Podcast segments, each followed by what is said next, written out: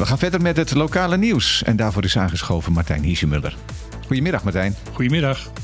Programma Op de Klippen, dat elke zaterdag wordt uitgezonden op dit station, Mega Hit FM, tussen 12 en 2, heeft een WOP-verzoek ingediend. Even, wat is een WOP-verzoek en waarvoor is dit WOP-verzoek ingediend? Nou, een WOP-verzoek, de, de WOP staat voor Wet Openbaarheid Bestuur. En door die wet kan je bij de overheid uh, informatie inwinnen over dingen die uh, gedaan zijn en documentatie die daarover is. En de overheid is dus verplicht om dat openbaar te maken. Ja, dus, dus dingen die jou ter oren zijn gekomen bijvoorbeeld, ja. waar je meer over wilt weten. Waar je wil, meer wilt weten waarop bepaalde beslissingen zijn gemaakt of uh, wat voor informatie er bij de overheid bekend was. Nou ja, jij bent een van de medewerkers van dat programma op de klippen. Wat is jullie ter oren gekomen of wat wilden jullie weten van de overheid? Er is ons het gerucht ter oren gekomen dat er op het terrein waar Nishokogo staat, dat daar asbest gevonden zou zijn. Ja, asbest verdacht materiaal, hè? Nou, dat blijkt dus nu uit de documenten die wij dus nu hebben gekregen. Oh, dus jullie hadden gehoord asbest en de documenten zeggen asbest verdacht. Verdacht. Tenminste, dat zijn de documenten die we hebben gekregen. Want de hoofdjuridische zaak het OLB heeft er gelijk bijgezegd dat de, de, het WOP-verzoek deels is ingewilligd. Dus er zijn documenten achtergehouden. Oké. En er is niet aangegeven waarom? Er is niet aangegeven waarom en er is ook niet aangegeven welke documenten. Want ook wat wij hebben gekregen is alleen maar een pdf met een aantal foto's en begeleidende tekstjes. Uh, het rapport wat daarbij hoort, dat hebben wij ook niet gekregen. De, wij moeten het hiermee doen. En kun je daar dan weer tegen in beroep gaan of moet je genoegen nemen met wat je krijgt? Nee, want wij kunnen in beroep gaan, zowel bij de rechter als bij het bestuurscollege. Ja, nou ik stel voor dat we niet te diep op de zaak zelf ingaan, want dat gaan jullie aanstaande zaterdag al doen in het programma Op te Klippen. Maar het is natuurlijk wel interessant om de luisteraars hier alvast een beetje te informeren dat dit speelt. Dat dit speelt en, En dat er mogelijk, dat er mogelijk arbeiders die bezig zijn geweest voor Chocogo in aanraking zijn gekomen met asbest. Dat dat dus mogelijk eh, is en met kans op longkanker op de lange termijn. Nou, dus zaterdag in Op de Klippen tussen 12 en 2 veel meer over deze zaak.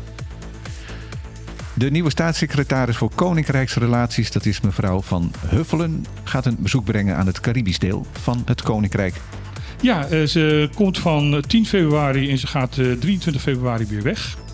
En ze is van 13 februari tot en met 15 februari op Bonaire. Nou, dan zal ze het gebruikelijke riedeltje doen van een aantal dingen be- bezoeken.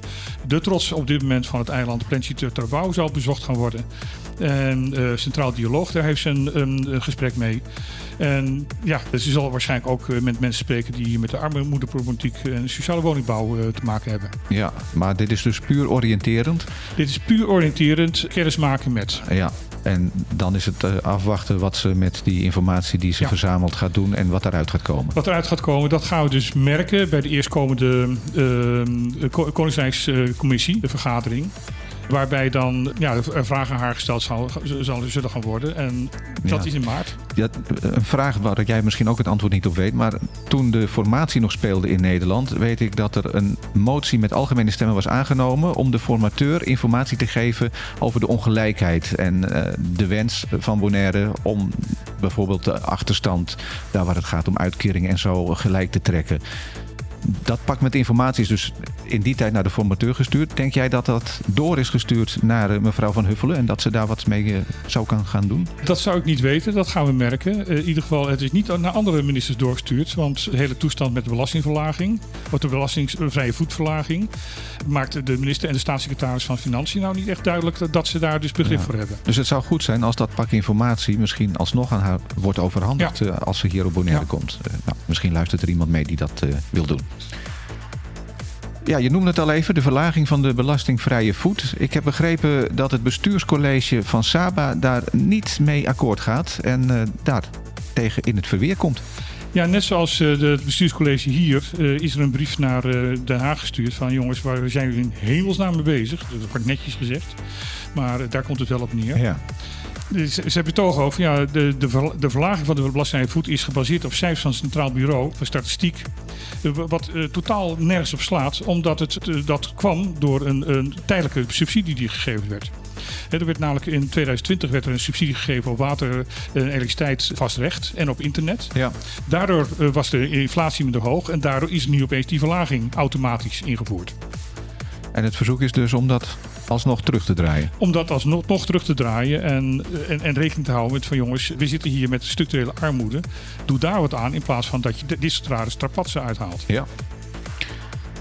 De dieven op Bonaire zijn opnieuw actief bij duikplaatsen, dus vooral toeristen oppassen. Ja, eh, het blijkt dus nog steeds dat vooral toeristen denken dat hun eh, spullen als ze gaan duiken veilig in hun auto liggen. Nou, dat is een eh, misvatting. Want er worden gewoon ruiten, ruiten ingeslagen en de spullen worden eruit gehaald. Het algemene advies is: laat zoveel mogelijk thuis. En laat zoveel mogelijk in het hotel of in, in, in het appartement waar je zit. En neem zo min mogelijk mee naar die duikplek. En, en dan kun je ook de auto gewoon openlaten, zodat er ook geen ruit Juist. ingeslagen hoeft te worden, want er valt dan toch niks te Ja. Als de, de raam van je auto openstaan, is het ook voor dieven duidelijk dat er niks te halen is. Ja. Zijn er nog bepaalde duikplaatsen die echt populair zijn bij de dieven? Nou, het zijn de bekende plekken. Jeff Davis Mem- Memorial onder andere. Maar ook Thousand Steps eh, is, is, is een bekende. eh, het, het zijn Ja, gewoon de dus- bekende plekken. Ja, ja. Ook dit jaar is er weer een subsidiepotje in het leven geroepen voor Tel mee met taal. Wat is dat Tel mee met taal en waarvoor kun je dan subsidie precies aanvragen? Het is een, een potje wat in Nederland bestaat om eh, daar ook laaggeletterdheid en dat soort zaken eh, tegen te gaan. Ja. Het potje be- be- bevat eh, 4 miljoen, eh, maar en is ook beschikbaar voor, voor Caribisch Nederland. Dus je kan bijvoorbeeld hier subsidie aanvragen om cursussen te, te geven in het papiaments of Engels of Nederlands. Maar ook eh, in je bedrijf taalvaardigheid te bevorderen.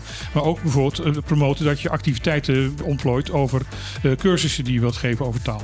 Oké. En je kan subsidie aanvragen tot 28 februari. En dat potje, zei je al, is eigenlijk zowel voor Europees Nederland als Caribisch Nederland bedoeld. Het is 4 miljoen voor zowel Nederland als voor de Cariben. En op is op. En op is op. Goed, dan nog even het weer. Ja, het weer. Eh, er is wat bewolking, maar eh, dat is in ieder geval vandaag zal dat waarschijnlijk niet tot, eh, tot neerslag leiden. Morgen waarschijnlijk wel.